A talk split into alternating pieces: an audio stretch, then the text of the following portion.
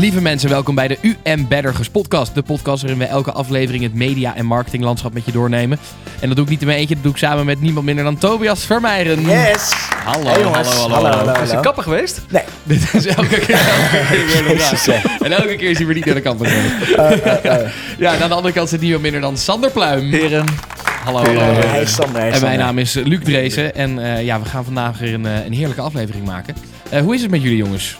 Eh, nou, ik zou... Beetje dubbel, hè? Ja, we, willen zeggen goed, maar ik moet zeggen dat de hele oorlog... eh dat is nu een week gaande in Oekraïne en de inval van eh, Rusland... Ja, me best wel bezighoudt ja eigenlijk. zeker. Ik merk dat ik heel veel nieuws probeer te volgen. Elke ochtend opsta, gelijk mijn telefoon erbij pak van goh, wat is aan de hand. Dus Ja, eh, ja, het, het houdt me wel bezig. ja, ik denk dat dat voor heel Nederland een beetje het Dat, gevoel is eh, momenteel. Hè? Het dubbele gevoel. Want Ja. Aan de ene kant hebben we er natuurlijk geen last van verder. Dus het normale leven gaat door. Maar aan de andere Ja. kant eh, Ja. Nou, is heb, iedereen ermee bezig. ik heb de indruk dat, dat het niet per se dat wij nog betrokken zijn, dat dat steeds eh, verder afneemt en dat er ruimte ontstaat voor angst. Ja, ja, Ja. Mensen worden Nou goed, we gaan er zo zeker wat zenuwachtig. Ja, we gaan het er zo meteen uitgebreid over, over hebben. Ook over de, de invloed van deze, deze hele situatie Ja. op, op, op de, de mediawereld, op eh, het marketinglandschap. Ehm, maar we gaan denk ik eerst gewoon eh, toch even de leuke spotjes erbij halen. Want dat is ook eh, onderdeel Nou ja. van, van ons... eh, En wacht onze even, we wat belangrijk is om te en, zeggen, hè? En, en, En we hebben gast. we hebben snuffels daar weer. Als je goed luistert, kan je hem horen. Ja, ja we, we zitten bij jou thuis, Sander, voor de verandering. We zitten bij mij thuis. Ja, en jij hebt natuurlijk een hond. En ik heb natuurlijk een hond, Ja. Jack. En Jack is een puber, dus die eh, is vreselijk eh, onberekenbaar en irritant. En we zetten alle zeilen bij. Dus mocht te- je hem soort af en toe horen knagen aan... aan Of blaffen. Dus het is niet dat wij eh, aan het hoesten zijn, maar het is een hond.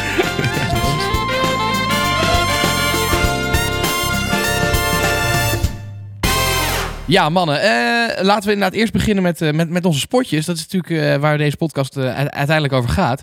Eh, Sander, zullen we bij jou beginnen? Ja, Ja, ehm, het is al even geleden, maar toch. De Super Bowl. Ja. Ja. Eh, het, natuurlijk het reclamefeest naast het sportieve feest eh, van de Verenigde Staten. eh, met 100 miljoen kijkers. Ehm, eh, ja, eh, toch altijd een vreselijk bijzonder event. Ehm, met heel eh, kort, eh, denk ik, de belangrijkste, eh, de Pepsi halftime show. ja. Ja. Het is echt heel knap als je tussen al het oorlogsgeweld en eh, de laatste restjes corona deze halftime show hebt weten te missen. Ehm, dus voor iedereen die onder een steen gelegen heeft, kijk hem even terug op, op YouTube. Maar ik denk voor jou was het wel een eh, trip down memory lane. Ik was zelf een- iets te jong, denk ik, om echt al die... eh ja, doe eens normaal. Dat is, Hiphoppers te... Echt, nou ja. zeg je dit nou echt? dit is voor mij was dit ook een trip down memory lane hoor. Ja, tuurlijk, maar... voor mij, voor mij was alleen Mary West J. Coast, Blige hadden, ze, eh, wel- hadden ze wel weg mogen laten. Maar nou, ik, vond, het- ik vond het echt gek. Allemaal vijftigers die eh, stonden te rappen en te doen. Wel, hè? En ze konden het nog steeds wel Ze aardig konden op. wel goed, hè? Ja, 50 en- Cent die op zijn kop hing. Ja. Dat kwam alleen Ja. wat minder goed overeind, zoals dan Ja. in zijn videoclip. Wat tussenshots voor nodig. Ja.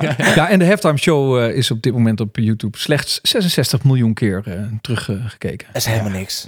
Dat is ongeveer gemiddelde kijkcijfers van de luxe. Wat waren de, eh, de meest opvallende eh, com- eh, commercials tijdens de halftime show? Of tijdens de Super Bowl? Dat is natuurlijk altijd het moment dat de, de beste commercials met de grootste budgetten gemaakt worden. Ja. Nou, eh, er was een trend. Er waren heel veel crypto's die zich melden. Ja. Eh, naast natuurlijk alle grote acteurs. eh, Arnold Schwarzenegger was er zelfs weer bij. Matthew McConaughey. eigenlijk McConaughey. elk jaar wel in een commercial van Super Bowl terug te ja, vinden. traditioneel. Ehm, maar Coinbase eh, sloeg wat mij betreft echt, eh, echt eh, de spijker op de kop. eh, met een commercial waarin ze 60 seconden lang een ehm, QR-code door het beeld lieten eh, wandelen.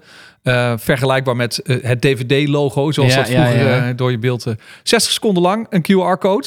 En die QR-code die ging naar een website waar je eh 15, eh, d- eh, ter waarde van 15 dollar bitcoin kon krijgen... als je lid werd van Coinbase, het marktplaatsplatform, zeg maar. Ja, een handelsplatform ja, ja, ja. voor eh, crypto's. Ja. Eh, en er werd nog 3 miljoen dollar aan bitcoin verloot voor, onder alle aanmeldingen. Het, ze gingen ten onder aan hun eigen succes. Het eh, platform ging plat. Ehm, en het uiteindelijke resultaat is dat ze een stijging hebben van 30% van hun totale app-install. Jezus. Debiel, succes. ja, ja, en wat ja. wel grappig vind, is- is- kijk, de Super Bowl is natuurlijk een beetje het WK, het vetste commercial maken, zeg maar. Dus Ja. het is ook echt het, de meest goede creatieve werken eraan. Want het is natuurlijk rete duur om het uit te zenden. De, de kosten dit jaar was 6,5 miljoen euro per 30 seconden om Ja. een tv-commercial uit te zenden.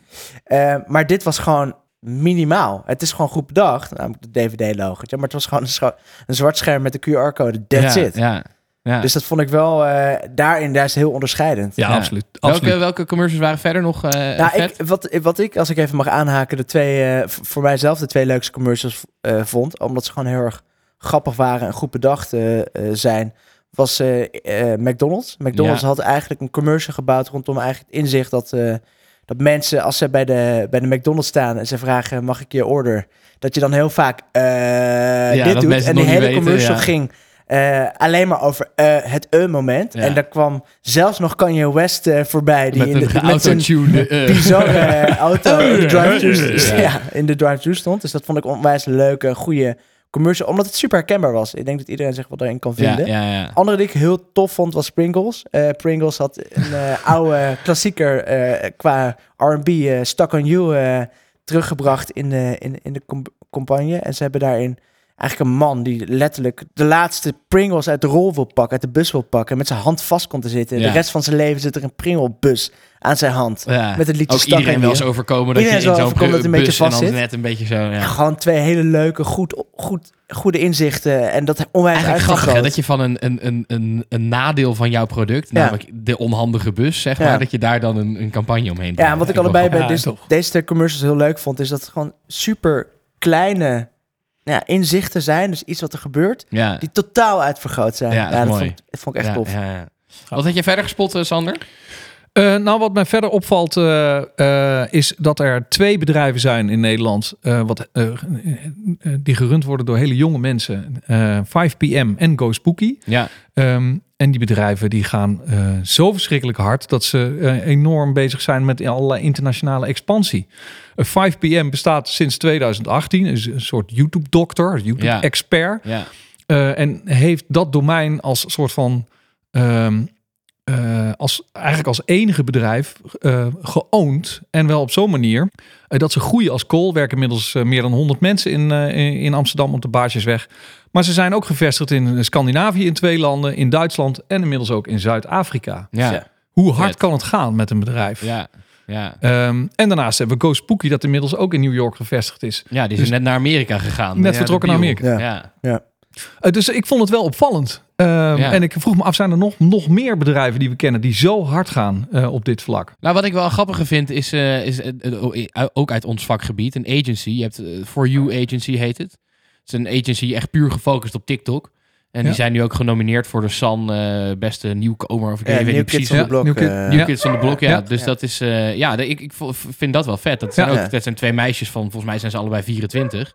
Ja. En die hebben dat dus opgezet. ja, Lijkt overigens een goede springplank, want ook 5PM heeft een nieuw Kid on the Block gewonnen Ja. in 2009. Ja, we kunnen dus wel stellen dat in ieder geval qua nieuwe reclameachtige bureaus en marketingbureaus, dat we in Nederland toch iets heel goeds Ja. doen. En dat we toch Ja. een beetje een nieuwe Silicon... eh, Op de achtergrond is Jack eh, keihard aan het Jack wil zeggen. Ja, ik vind het wel vet om te zien hoor. Die, dat je dus inderdaad best wel veel, ja, gewoon jonge marketing eh, Ja. dingen die gewoon echt puur op die nieuwe trends als TikTok inspringen. Ja, ik vind het vet. Ja. Ja, en tenslotte uh, de, uh, een uh, teasercampagne van het Nationale Holocaustmuseum. Dat gaat in uh, 2023 open in Amsterdam. Ja. ze hebben een fantastische outdoor ja.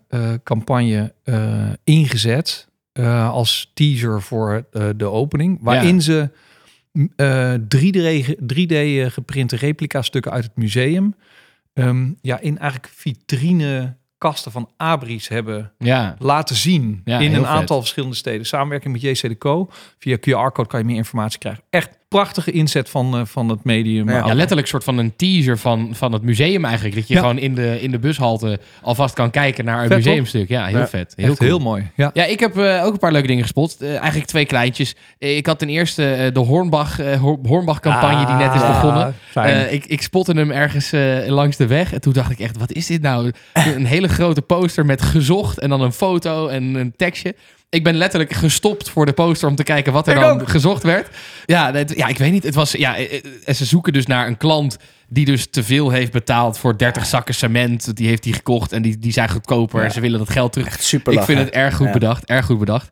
Um, en ik had een uh, artikel, we hebben het natuurlijk gehad over... Hè, is de, de metaverse en is dat nou allemaal een hype... of is dat nou uh, echt daadwerkelijk een soort businessmodel? En iets wat daar een beetje op aansloot... ik kwam een artikel tegen in de Volkskrant... over dat NFT's toch wel erg uh, gevoelig blijken voor fraude. Het was aan de hand van een, een groot onderzoek van The Guardian. Ja. En zij kwamen toch echt wel erachter dat er heel veel kunstenaars waren die echt al tientallen, honderden en soms zelfs duizenden uh, ja, nep-NFT's tegen waren gekomen. Um, dus ik en vond hoe dat... werkt dat? Hoe kan een NFT dan nep zijn? Ja, ik snap dat. Ik moet Als hij in de blockchain zit, dan is het... hoe dat dan werkt. Volgens mij is het gewoon letterlijk dat iemand dus een kopie maakt van het bestand. Want dat, dat kan natuurlijk gewoon. Dat Ja. is het nadeel van digitale bestanden. Eh, en dat hij dat dan dus opnieuw aanbiedt met een nieuwe code. En een soort van... Maar de blockchain zou toch moeten verifiëren dat die code al bestaat en dat die code daarmee dus Ja, nee, niet de- meer uniek is. Nee, maar, de, maar ze maken dus gewoon een hele nieuwe eh, NFT aan eigenlijk. Met dus wel het bestand erbij. Dus, en dus ja, niet oplettende koper kan dan denken Ah, dat hij de originele koopt. Volgens Ja, mij ja. is dat, ik weet het ook Da- niet precies ja, hoor. ja, maar in ieder geval blijkt het dus heel erg gevoelig te zijn voor vrouwen. Dus Lijkt ik me vond dat wel, wel. Eigenlijk. Ja. Wat heb jij eh, gespot, Toby? Nou, ik... eh, eerst wat ik gespot heb is een, eigenlijk een, wat ik creatief gezien een heel mooie gemaakte campagne vind. Is namelijk de nieuwe commercial van Van Moof. Van Moof heeft Ja. een campagne gemaakt over... eh, nou, die heet letterlijk Super Thieves. Dus het gaat over diefstal. Ze hebben natuurlijk Van Moof staat bekend om zijn prachtige nou ja, alarmsysteem die ze ge- ingebouwd hebben in de fietsen. Ja, En daarvoor hebben ze een Oscar eh, genomineerde eh, eh, nou, ja, animator genaamd Tobias uh, Vooreker. Goeie naam trouwens. Die een prachtige ja, stop-motion video gemaakt heeft. Waar allemaal kleipoppetjes proberen verschillende dieven die fiets te stelen. ja, het idee is een beetje dat het allemaal superdieven zijn. Allemaal superdieven dan, zijn. Ja, deze man heeft ook echt, echt grote films gemaakt. Zoals Corpse Bride van Tim Burton. Ja. Eh, echt fascinerend goed gemaakt. Alleen wat ik jammer vind vanuit een merkoogpunt of strategisch oogpunt... is dat Van Moven heel veel mooie campagnes maakt... maar de consistentie lijkt een beetje zoek. Ja, Dus elke keer dan, dan is het een, een animatiefilm in, met, met eh, ja, een soort cartoonesk. Dan hebben ze weer... Daarvoor zaten we in de heel- stad ergens in in de de, stad. Verenigde Staten. Precies, het is elke fietsen, praten ja. van alles en nog wat. Met, eh, met kikkers, alles komt eigenlijk elk half jaar opnieuw voorbij. Dus wat ik heel jammer vind is, ja, ze maken hele mooie commercials, maar Er zit geen is- consistentie Er zit geen in. consistentie in. Dus op zo'n manier kun je niet goed een merk bouwen, vind ik. Dus, Ja. dus dat vind ik een gemiste kans. Ehm, tweede wat ik gespot heb, en dat is eigenlijk iets waar ik me een beetje zorgen om maak, is namelijk de tv-zender, nou niet zender, maar omroep, Ongehoord Nederland. Eh Ongehoord Nederland is natuurlijk een publieke omroep die eh, door ons allemaal eh, mede gefinancierd wordt. En nou, die zijn flink op hun vingers getikt de laatste tijd vanwege nou, programma's waarin racisme voorbij komt, seksisme voorbij komt. En zelfs nu ook beargumenteerd wordt dat, eh, eh, nou ja, dat Dat Rusland aan de goede kant staat, ja. Dus dat vind ik best wel eh, Nou ja, het is een, wat- wat- een heftig ding. Ja, wat kijk, het is natuurlijk een beetje een dubbel, dubbel ding. Want aan de ene kant moet natuurlijk iedereen in principe de mogelijkheid krijgen om, Om te maken wat ze willen maken, eh, ja. Met welke politieke kleur dan ook. Ehm, maar dat de, de, ombudsman heeft, of de ombudsvrouw is het in dit geval eigenlijk, heeft toch wel echt wel veel klachten gekregen. Omdat er gewoon heel veel desinformatie, echt daadwerkelijk gewoon dingen die Ja. niet waar zijn worden verspreid. Ja. Eh, en dat gaat natuurlijk wel in tegen de kernwaarden van de NPO. De Precies. NPO heeft zo'n soort van Ja. statuut waar elke omroep zich aan moet houden. Dus ja, er wordt nu ook wel echt onderzoek gedaan van... hé hey jongens, eh, dit kan niet. Want je, moet je, wel, je, je bent een publieke omroep, dus Ja. je moet je daar wel aan houden. Ja. Ja, mijn journalistieke hart huilt, jongens. Eh, want Arnold Karskens was in de tijd dat ik studeerde echt een held. Hij, Ja. was, hij was de oorlogverslaggever van de jaren negentig. En die man die heeft van alle brandhaarden in de wereld verslag gedaan vanaf het front.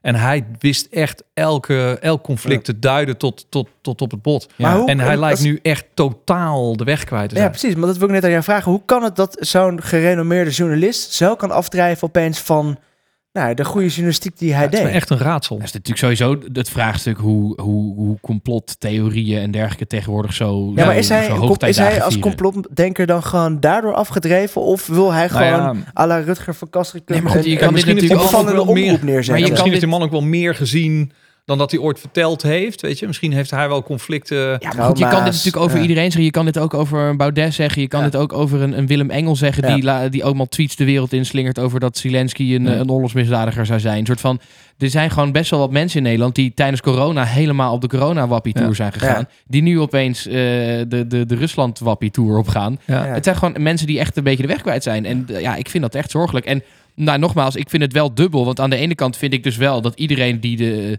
die dat wil, de mogelijkheid moet krijgen om, uh, om, om, om, dingen te maken en om, om zijn of haar mening uh, te, te ja, uiten. Nee, dat is ook. Dat vind ik ook. Dus, dus de persvrijheid zou er moeten zijn. Ja, Alleen er moeten wel journalistieke waarden er zijn. Wel, er zijn wel kaders. Ja, ja precies. Er moet wel gewoon journalistiek. Uh, je moet je aan bepaalde dingen houden. Ja, ja. ja laten we wel blij zijn dat, er, dat we in, in ieder geval nog een ombudsman vrouw hebben die, die dit wel, die wel hier meteen bovenop zit. Ja. Want wat, wat, wat zo'n ongehoord wereld is slingert is wel echt ongehoord. Voordat we te veel nu over het Oekraïne al gaan hebben, dat er gewoon niet een, een staatszender is die ja, bepaalt nee, ja, wat er ja. getoond gaat worden, maar dat de vrijheid voor iedereen is om een omroep te starten. Maar ik, ben, ik ben het wel met je eens uh, dat het. Ik, ik, ik, ben er, ik vind het ook lastig, die, die ongehoord Nederland. En uh, ik, ja, ik hoop in ieder geval dat, dat, dat er op een goede manier door de ombudsvrouw in dit geval uh, mee om wordt gegaan. En dat zij gewoon Kijk, voor mij mogen ze prima blijven bestaan en uitzenden. Maar ze moeten zich wel gewoon houden aan de, waarheid en de regels van, ja. uh, van de publieke omroep. Nou. Goed jongens, uh, ondertussen is Jack uh, het tapijt achter ons keihard aan het, aan het slopen. Uit elkaar dat, dat de Hornbach trots zou zijn op deze hond. ja, het is echt niet normaal. maar wij gaan het, oh, naar ons hoofdonderwerp toe. Namelijk de oorlog in Oekraïne, de situatie in Oekraïne. en de invloed van, daar, daarvan op, op het media-marketinglandschap. Laten we beginnen bij, bij, bij de oorlog zelf. Ja, we hebben het in het begin natuurlijk kort heel even over gehad dat we ons er heel dubbel over voelen. Uh, hoe, hoe, voelen jullie er, erbij als je er wat, wat meer woorden aan kwijt mag, uh, mag maken? Nou, de laatste oorlog die ik gezien heb was uh, de Golfoorlog. Die hebben we live zitten kijken. Ja. S'nachts. Dat was een soort televisieshow. Um, waar we met z'n allen twee dagen uh, met ja. chips en bier bijna die oorlog hebben zitten Wat kijken. Wat eigenlijk verpand is, want we hebben een jaar geleden, jaar, twee jaar geleden nog een oorlog in Syrië gehad. Die ja. minstens nog steeds, net zo heftig was. Dus nog, steeds. Dus dat is eigenlijk heftig dat dat dan... Uh, maar op de een of andere manier ja, maar dat is, ja, weet je, beklijft dat niet. Nou ja, en plus, ja, laten we eerlijk zijn, er wordt gewoon meer aandacht aan deze oorlog besteed. Waarom? Omdat het gewoon dichter bij Europa is. Waarom? Omdat het meer effect heeft op, op de wereld. Ja, de nee, Golfoorlog was een mediaoorlog. Hè, dat ging allemaal om onze olie, dus dat vonden we allemaal belangrijk. En Syrië is echt, hoe cares, toch? Ja, en dat is eigenlijk heel erg. Dat is super schrikkelijk. Ja, ja, is heel er zijn nog steeds oorlogen nu in Afrika gaande waar we gewoon niks of nauwelijks iets van horen. Ja. Nee. Kijk, en nu is het natuurlijk... Oekraïne ligt net zo ver als Barcelona, geloof ik, hè? Ja, ja, precies. Uh, het, het, het ligt tegen allemaal westerse landen aan. Ja. Het, Is, het is het laatste. Nee, het is dichter bij huis. Het is allemaal. Zorgt dat heel voor dat jullie, dat jullie bang zijn? Is het, merk je dat je er eh, gespannen van wordt? Nou, ik nou, merk, wat ik wel opvallend vind, is gewoon dat, dat Poetin gewoon ondertussen zo diep hierin zit. Dat het bij, lijkt bijna op een kamikaze-actie. Van ja, het maakt me toch allemaal niet meer uit. Uh, we, we, gaan dit gewoon doen. Ja. Nou ja, bang, maar wel. Ik word wel langzaam maar zeker steeds nerveuzer. Want ik heb wel steeds meer de indruk dat Poetin in een hoek wordt geduwd. Of zichzelf in een hoek manoeuvreert. Ja Um, waar escalatie uh, of ontsnappen aan steeds kleiner. Weet je, dat, je komt er bijna niet meer uit dadelijk. Voor hem is en, straks en, de enige oplossing. Ja, kijk, Europa, uh, de, de, de, de eensgezindheid van Europa is, da, daar had hij volgens mij geen rekening mee gehouden. Nee, dat is wel het enige wat ik mooi vind om te zien. Dat, dat, dat de EU eigenlijk voor het eerst in zijn geschiedenis echt een soort van eensgezind is en echt, echt de handen actief, de, ja, eigenlijk zich als een wereldmacht. Ja. En opvallend toont. Joe Biden, hè, in plaats van, uh, thank god dat we Donald Trump niet Zo. hebben, maar Joe Biden die in alle rust uh, toch wat mij betreft ja. vooralsnog als een, als een heel zinnig mens uh, Amerika hier uh, uh, doorheen loodt en ja. ook het voortouw daarin neemt. Ja, om, om, ja dat is het enige wat er een soort van positief Ja, en wat ik dus ook wel voor mij opvallend vind, is omdat het nu natuurlijk een hele moderne oorlog is, zie je ook veel meer beeldmateriaal. En dat heb ik eigenlijk nog nooit zo bewust meegemaakt. En, op TikTok, op, op YouTube. En dat los sowieso het, het argument of het gedeelte over fake nieuws aan beide kampen is natuurlijk ook heel opvallend. Maar ik heb nog nooit zo uh, er bijna ingezeten, omdat ja. je zoveel...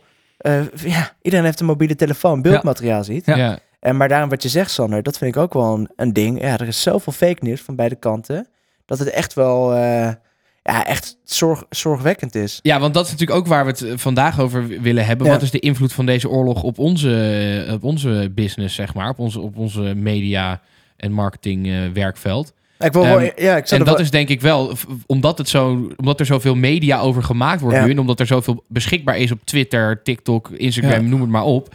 hebben we er misschien wel meer mee te maken dan ooit. Ja. En zie je bijvoorbeeld dat, dat er heel veel grote techbedrijven zijn... die hier ook opeens een invloed op hebben. Daar wil ik en, wel, en uh... voordat je de techbedrijven aan... het laatste nieuws is nu dat de EU uh, Russia Today en Sputnik gaat blokken. Wat twee Russische staatsomroepen zijn. Hè? Dus Wat ik ergens De- ook wel niet goed vind eigenlijk. bizar toch? Want Ja. de- dan betekent dus dat... Censuur. Is Eigenlijk, eigenlijk ook, is dat ook censuur. Dus dat Ja. is, Het is eigenlijk is dat heel bizar. Fascinerend toch? Ja. Dus de EU blokkeert nu staatszenders van een vijandig land. Ja, ik vind dat... Ik vind dat aan de ene kant snap ik waarom ze het doen. Maar ik vind dat eigen, eh, journalistiek gezien is dat eigenlijk helemaal niet goed. Nee, Ja, ja, ingewikkeld. Maar ik wil wel even een lans breken voor de big tech, die we natuurlijk af en toe wel hier eh. Nou ja, eh, streng op zijn. En Wat ik heel goed vind, is dat, dat ze al die techbedrijven op hun manier proberen een steentje bij te dragen. Google Maps heeft ervoor gezorgd dat je niet meer kan zien in Oekraïne waar het druk is op de wegen. ja. Hè, om te voorkomen dat daar bijvoorbeeld aanvallen of dat ze het strategisch de Russen dat kunnen gebruiken. Ja. Eh, YouTube die eh, ervoor zorgt dat er nog steeds eh, nou ja, de vrijheid van verspreiding van nou ja, videocontent kan blijven plaatsvinden. Maar aan de andere kant ook ervoor zorgt dat de Russische eh, eh, fake news verdwijnt. En dat, er, dat de Russische bedrijven geen geld kunnen verdienen aan Aan- hun, aan hun eh, content. En wat ik ook opvallend vond, is de minister volgens mij van Defensie of Buitenlandse Zaken twitterde, van Oekraïne twitterde, goh, Elon Musk, joh, waar ben je? We hebben je hulp hard nodig. Bijvoorbeeld je satellieten zouden kunnen gebruiken. Elon Musk reageert er een uur ongeveer later op. eh, het is geregeld. Er zo- komen zoveel mogelijk satellieten eh, jullie kant op, zodat Ja. jullie daar eh, internet kunnen blijven houden. Starlink satellites Dus- hangen gewoon dus- boven, boven het land. Dus in één keer wat interessant is, dat los van de landen die support bieden, de big tech, die heel machtig zijn, weten we ondertussen, Ja. proberen op zo'n manier ook een, een steentje bij te dragen. En, Ja. dan nog, en dan nog hulp uit onverwachte hoek, namelijk eh, de anonymous hackers. Ja. Weet je, dus je bent als land een oorlog begonnen tegen een ander land. Ja. Alleen alle hackers over de hele wereld gaan zich daar ook mee bemoeien en zijn plotseling dus ook nu de vijand Ja. van Poetin. Ja. Ja. En, En, wat ze, en een van de voorbeelden, ik weet niet of jullie die gezien hebben, ze hebben iets slims gedaan met Google Maps. Ze hebben eh, in Google Maps alle eh, locaties die je kan bezoeken eh, van uitgaansgelegenheden, restaurants. eh, hebben ze zo omgeturnd dat je daar de reviews, dat de reviews de ingezet kunnen worden Ja. als. Eh, Ja, als precies. Ja, dit is eigenlijk niet echt hacken. Dit is gewoon een oproep op, op Instagram van jongens, eh, ga op alle, alle Russische restaurants en doe maar op. Ga daar reviews achterlaten met verhalen over hoe de oorlog echt is. Ja, Omdat dus precies. veel Ja. mensen in Rusland helemaal niet weten hoe dat eraan toe gaat. maar dit inderdaad. zegt wel iets over de denkkracht die nu ook vrijkomt. Hè, Ja, maar, maar, en ze zijn ook echt aan het hacken. Want Ja, op de site van Sputnik, daar stond, eh, daar stond een artikel over dat, eh, dat, dat Poetin en Lukashenko gingen trouwen bijvoorbeeld. ja. Dus het en, is, de, eh, en Kremlin-sites waren allemaal eh, ook gehackt. Hè? Dus Op- ze waren gewoon allemaal off-air gehaald door... eh, door- Op het journaal van Russia Today hoorde je het Oekraïns volkslied. Hè? ja. echt? Ja. Oh, Dat is ja. echt briljant. Maar ik moet wel zeggen, ik het aan de ene kant inderdaad, hè, het, is, het is heel bijzonder om te zien dat dat, dat ja, wereldwijd hackernetwerk eh, eh, Anonymous de oorlog aangaat. Maar ik had altijd een beetje het idee dat de, de volgende grote oorlog die wij zouden meemaken, dat dat echt een cyberwar zou zijn. Ja. Maar ja, dat valt uiteindelijk toch heel erg tegen. Want uiteindelijk Ja. zijn het toch gewoon troepen die Tot Oekraïne toe, hè? binnenvallen en Ja. raketten schieten, zeg Ja, maar. maar, Dus maar echt die cyberwar heb ik nog niet echt gezien. Nee, maar die cyberwar, ik denk dat die zich niet afspeelt in Oekraïne. Maar die cyberwar zich veel eerder afspeelt in Rusland en Ja. in Europa. En de- reken maar dat Rusland nu ook in Europa overal aanvallen aan het uitvoeren is, digitaal. zeker, ja. Doen ze. Eh, en, en vice versa. Ja. Want die sancties die Rusland opgelegd krijgt, ja, dat, dat gaat natuurlijk op elke manier eh, pijn doen. Ja. Ja, ja. En de, de, de reactie van, van de grote, ja, wat toch ook mediabedrijven zijn inmiddels, de grote sportfederaties, Ja, die vond ik ook redelijk eensgezind eigenlijk. ja, ja, de, zeker. de UEFA die eh, de, de Champions League finale verplaatst, de FIA die de, de Grand Prix van Rusland eh schrapt. Ik vond de Eh, FIFA wel, FIFA had wel weer lang nodig. Hè? En die hebben er geloof ik vijf dagen over gedaan om, eh, om met een oplossing te komen. En Ja. een besluit te komen hoe ze dan Ja, FIFA die, met de, die met de eh, kwalificatiewedstrijden om moesten gaan. Ja, en ik eh, bijvoorbeeld eh, denk hebben ook eh, Champions League die hun grootste hoofdsponsor Gazprom eh eruit heeft gehaald. Schalke die eh, sponsoren van de shirt hebben gehaald. Ja. Die nu geblokt worden overal. Abramovic, de eigenaar van Chelsea, die eh, een functie elders heeft gekregen. Ja. Eh, het, ja, het, dat wordt het, echt aan het alle voltallige kanten- team van Dynamo Kiev dat in het leger is gegaan. Ja, ja, er wordt aan alle kanten wordt er nu wel ook door, eh, door merken en door sportinstanties eh, erop gereageerd. Via inderdaad wat je zei. Het is ook wel Ja. de enige manier, want hè, je, je, je kan zeggen, hè, in Rusland is vaak dan de reactie, ja, maar je moet proberen sport en politiek gescheiden te houden, wat Ja. natuurlijk heel vaak gezegd wordt. Hè, als, Ja. het- als er in landen gesport wordt waar de, de mensenrechten situatie niet zo goed is. Uh, maar dat is heel opvallend. Dat is bijna altijd zo. Hè? Ja. Dus de, de, IOC was volgens mij, uh, volgens mij net Olympische Spelen in China. Ja, WK in Qatar. Voetbal in Qatar. Uh, ja, nee, dus, maar wat ik dus wel bijzonder vind, is dat dit is wel de oplossing. Want hiermee komt het ook bij de normale Russen thuis. want die weten het niet. En die, nu moet Poetin gaan uitleggen waarom opeens zeg maar alle sportteams niet meer mee mogen nou, doen. Maar als ik dan een kritische vraag mag stellen, is dit de oplossing? Is het verstandig? Want ik vraag me af, ga je niet vervolgens ja, eigenlijk ervoor zorgen dat Poetin een nog groter excuus heeft om te zeggen, zie je, de hele westerse wereld is ja, tegen zeker, ons. Zeker. Ja, dat klopt. Maar ja, aan de andere kant soort van denk ik dat de bevolking zich ook gaat afvragen van oké, maar wacht eventjes, waarom, waarom mogen wij opeens nergens meer aan meedoen? Zeg maar. Nou ja, kijk, uh, ik, ik vind het een goede vraag, Tobias. En ik denk, ik denk dat het best ingewikkeld is. Kijk, als je het, als je het allemaal niet doet, stel dat je, dat je het zuiver alleen maar sancties richting Poetin stuurt en, ja. en het volk uh, er buiten laat. Kijk, de, de gewone Rus uh, is nu minstens 25, 30 procent armer hè? Ja. in een paar dagen. En die roebel is gewoon niks meer waard. Ja, ja. Doe, je dat, doe je dat niet en laat je die sporters gewoon hun, hun gang gaan, laten we zeggen, en laten ze gewoon welkom zijn, dan krijg je een heel grijs gebied. Want wa, wa, waar ga je dan wel en waar ga je dan niet wat tegen doen? En nu trekken ze wel een streep. En oké, we gaan nu alle Russen het levensduur maken. Um, en dat leidt er in ieder geval toe uh, dat je eenduidigheid hebt. Aan de andere kant zou het zomaar kunnen dat je Poetin in de hand speelt, omdat nu in Rusland er misschien wel een, een stroom en een mening op gang komt. Dat Ze moeten ons iedereen hebben, tegen ja, de Russen. wel, ja. Ja. Ja. ja, ik vind het ook lastig. Ja. Opvallend wel nog is uh, de grootste bank. Uh, bijvoorbeeld, we hebben het over banken die geblokkeerd worden. De grootste de bank van.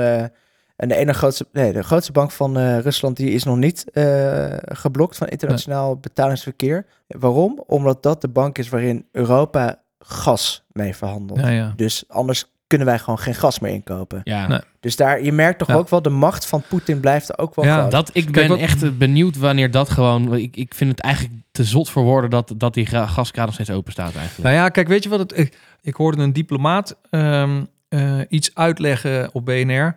Ehm, dat je in dit soort conflicten het liefste eigenlijk wil, wil de publieke opinie... dat je alle maatregelen in één keer treft. Hè? Van, Ja. kom op jongens, we gooien alles ineens op slot. Want een vuist maken. Alleen in de diplomatie, je, je wil ergens... Nee, je wil nog erger kunnen. Nee, openlaten. dat snap ik, dat snap ik. Niet maar, dat- maar het gaat mij er meer om dat het... Dit heeft dan niet, volgens mij niet zoveel te maken met... we willen nog een ergere sanctie op kunnen leggen. Dit heeft meer te maken met... dit raakt ook onze eigen portemonnee. Ja, En dat vind ik het, het, het, het, het, het zure ervan. Ik zou Ja. zoiets hebben van... jongens, volgens mij moeten wij met Europa zeggen... weet je, wij zijn ook bereid om... eh, nou, dan, maar, dan hebben we maar minder gas... en gaan wij het even wat moeilijker hebben. Ja, kijk, eh, er zijn natuurlijk vast en zeker in de achtergrond gesprekken aan de gang over wanneer ze slochter weer open gaan gooien. Hè? Ja. Ik bedoel, eh, we hebben het gas in de grond zitten. Maar ja. Ja. we hebben ook nog wel een, een soort verplichting naar een hele provincie waar we alle huizen gesloopt Nee, hebben. klopt. Maar ja, eh, het is oorlog. Ja, dat is toch een beetje de... Ja. Je moet... Ja, ik, nou goed. Ja. Ik vind dat lastig. Hey, en eh, Nederlandse merken, be- bedrijven, dat zie, is ik wat- ook, wat ik, eh, eh, ja. zie ik ook ondertussen wel statements innemen in de zin van eh, het NS Thalys eh, geeft aan dat alle Oekraïners Ja. gratis mogen reizen met de Ja. trein. Eh, alle telecombedrijven, eh, onder andere Ja. KPN, eh, zeggen joh, eh, iedereen die in, in dat land zit of in Nederland zit wil, en die wil bellen naar Oekraïne of eh, data daarvoor wil gebruiken, mag dat allemaal gratis doen. Dus, Ja.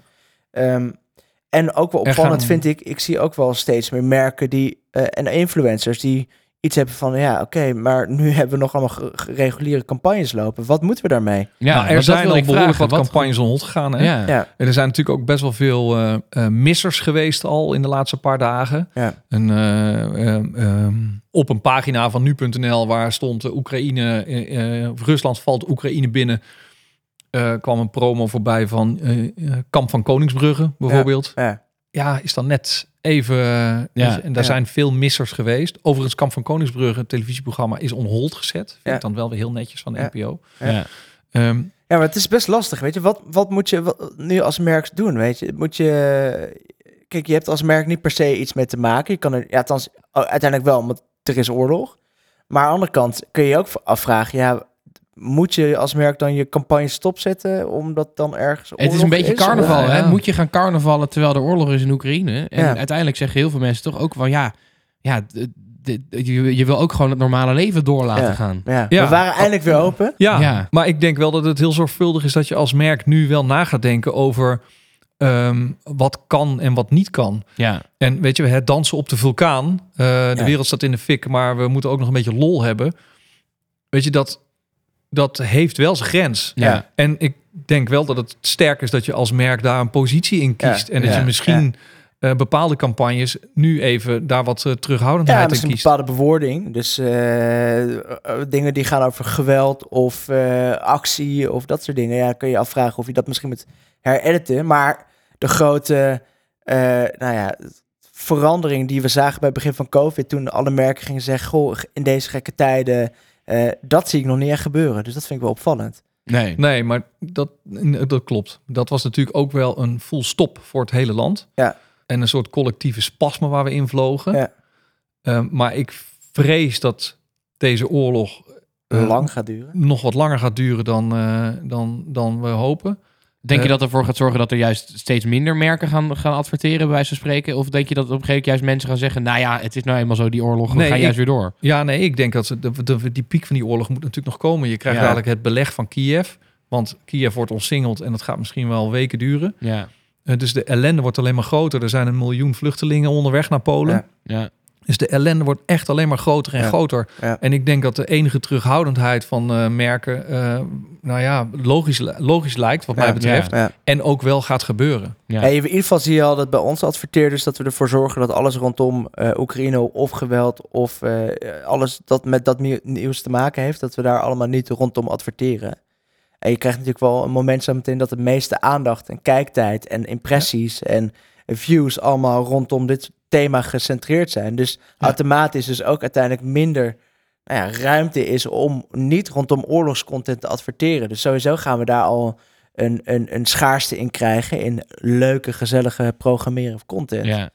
Uh, en ik ben ook wel benieuwd wat jij zegt, Sander. Weet je, gaan we straks echt krijgen dat we gewoon substantieel minder uh, marketing gaan bedrijven vanwege het conflict wat er gaande is? Ik denk in elk geval anders. En vooral uh, minder weet ik niet, want dat denk ik niet. Want je hebt ook gezien dat in de tweede COVID en, en de derde COVID-periodes, dat uiteindelijk de bestedingen echt niet meer inzakten. Ik denk alleen wel dat er een periode komt waarin we onze message aan gaan passen. En waarin Ja. we een beetje voorzichtig worden met wat we nou eigenlijk gaan roepen en hoe feestelijk het allemaal is uh, Ja. in het leven.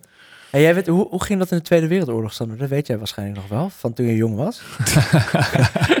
kan je deze grap eigenlijk wel maken? Is dit niet grensoverschrijdend, Ja, uh, uh, Tobias? hè?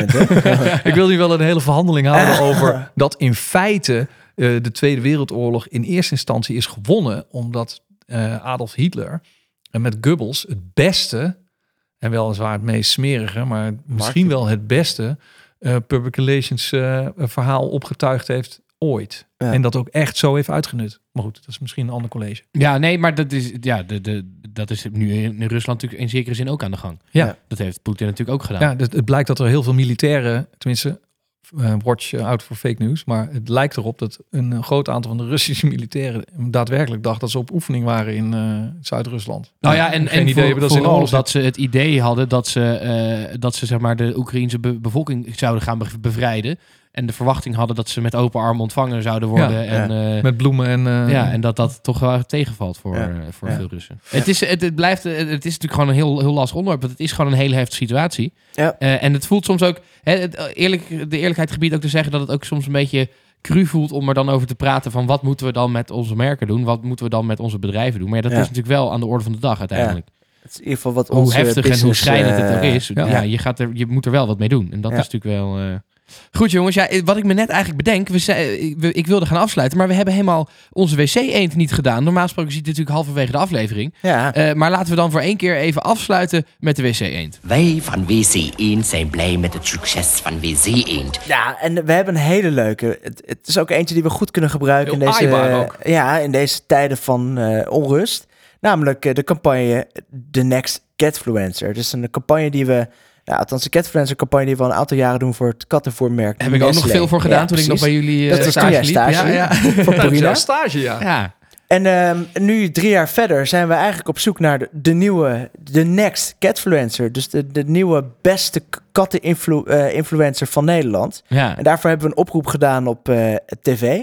En daar zijn eh, heel veel aanmeldingen voor binnengekomen. Dus we zijn hartstikke hard bezig. Hoeveel zijn er nu? Ik hoor... eh, de- Zo'n duizend, eh, katten hebben zich aangemeld. Wat goed joh. Ja. met hele leuke foto's en van alles en nog wat. En we zijn dus echt nu aan het kijken wat, eh, wat de meest geschikte nou, katten zijn eh, om voor, door te gaan in de volgende ronde. Ik vind het een hele leuke Ontzettend leuke campagne. Ja. En we hopen natuurlijk op zo'n manier wat eh, liefde op het internet te verspreiden in Nederland. Met hele leuke liefde. Aaibaarheid en zachtheid. Overigens, er zijn dus duizend kattenaccounts in Nederland. Ja, ja, ja. Sowieso al. ja, ja, Even de voor de hè? record, Ja, is de deal, ja. ja. Goed jongens, eh, dat was eh, eh, de wc-hint. En daarom adviseren wij van WC Eend, WC Eend. Ja, en dan sluiten we hem nu echt af. Dat doen we natuurlijk niet zonder eh, je naar huis te laten gaan zonder eh, eh, podcasttip van Sander. Heb je nog een leuke podcasttip, eh, Sander? Nou, zeker eentje. Ehm, we zien een trend in de podcastwereld, namelijk true crime. Ik Ja. weet niet of het een trend is. Ik weet zeggen, dat is wel heel lang, maar dat is wel, dat is by far de populairste. ja. Niet normaal hoeveel krankzinnig goede podcasts er overigens gemaakt worden over crime. ja. Ehm, we hebben er al een, in het verleden al een aantal uitgelicht, maar ik wil eentje in het bijzonder even nu in het, eh, in het zonnetje zetten. Dat is eh eh, Mr. Big, een documentaire reeks ehm, gemaakt door Dag en Nacht Media ehm, over onder andere Wim S, een seriemoordenaar die nooit gepakt is. Vet. Luister Nou ja, vet. en huiver. Het is natuurlijk echt een heel, eh, heel treurig verhaal waarschijnlijk, maar eh, Maar, Maar- verschrikkelijk goed gemaakt. ja, ja, ja. Nou, top. Veel luisterplezier. Ehm, goed jongens, ja, dit, het was misschien een beetje een, een, een dubbele aflevering eh, Ja. op deze manier. Maar ja, dat, dat, het hoort er soms af en toe bij. Het zijn ook een beetje dubbele tijden. Ja, dat zijn het zeker. Dat zijn het zeker. Eh, eh, laten we hopen dat het, het conflict in Rusland niet eh, nog veel verder gaat escaleren. Dat hoop ik echt eh, ten zeerste. Ja. Ehm, eh, lieve luisteraar, bedankt voor het luisteren. En eh, tot de volgende Better podcast.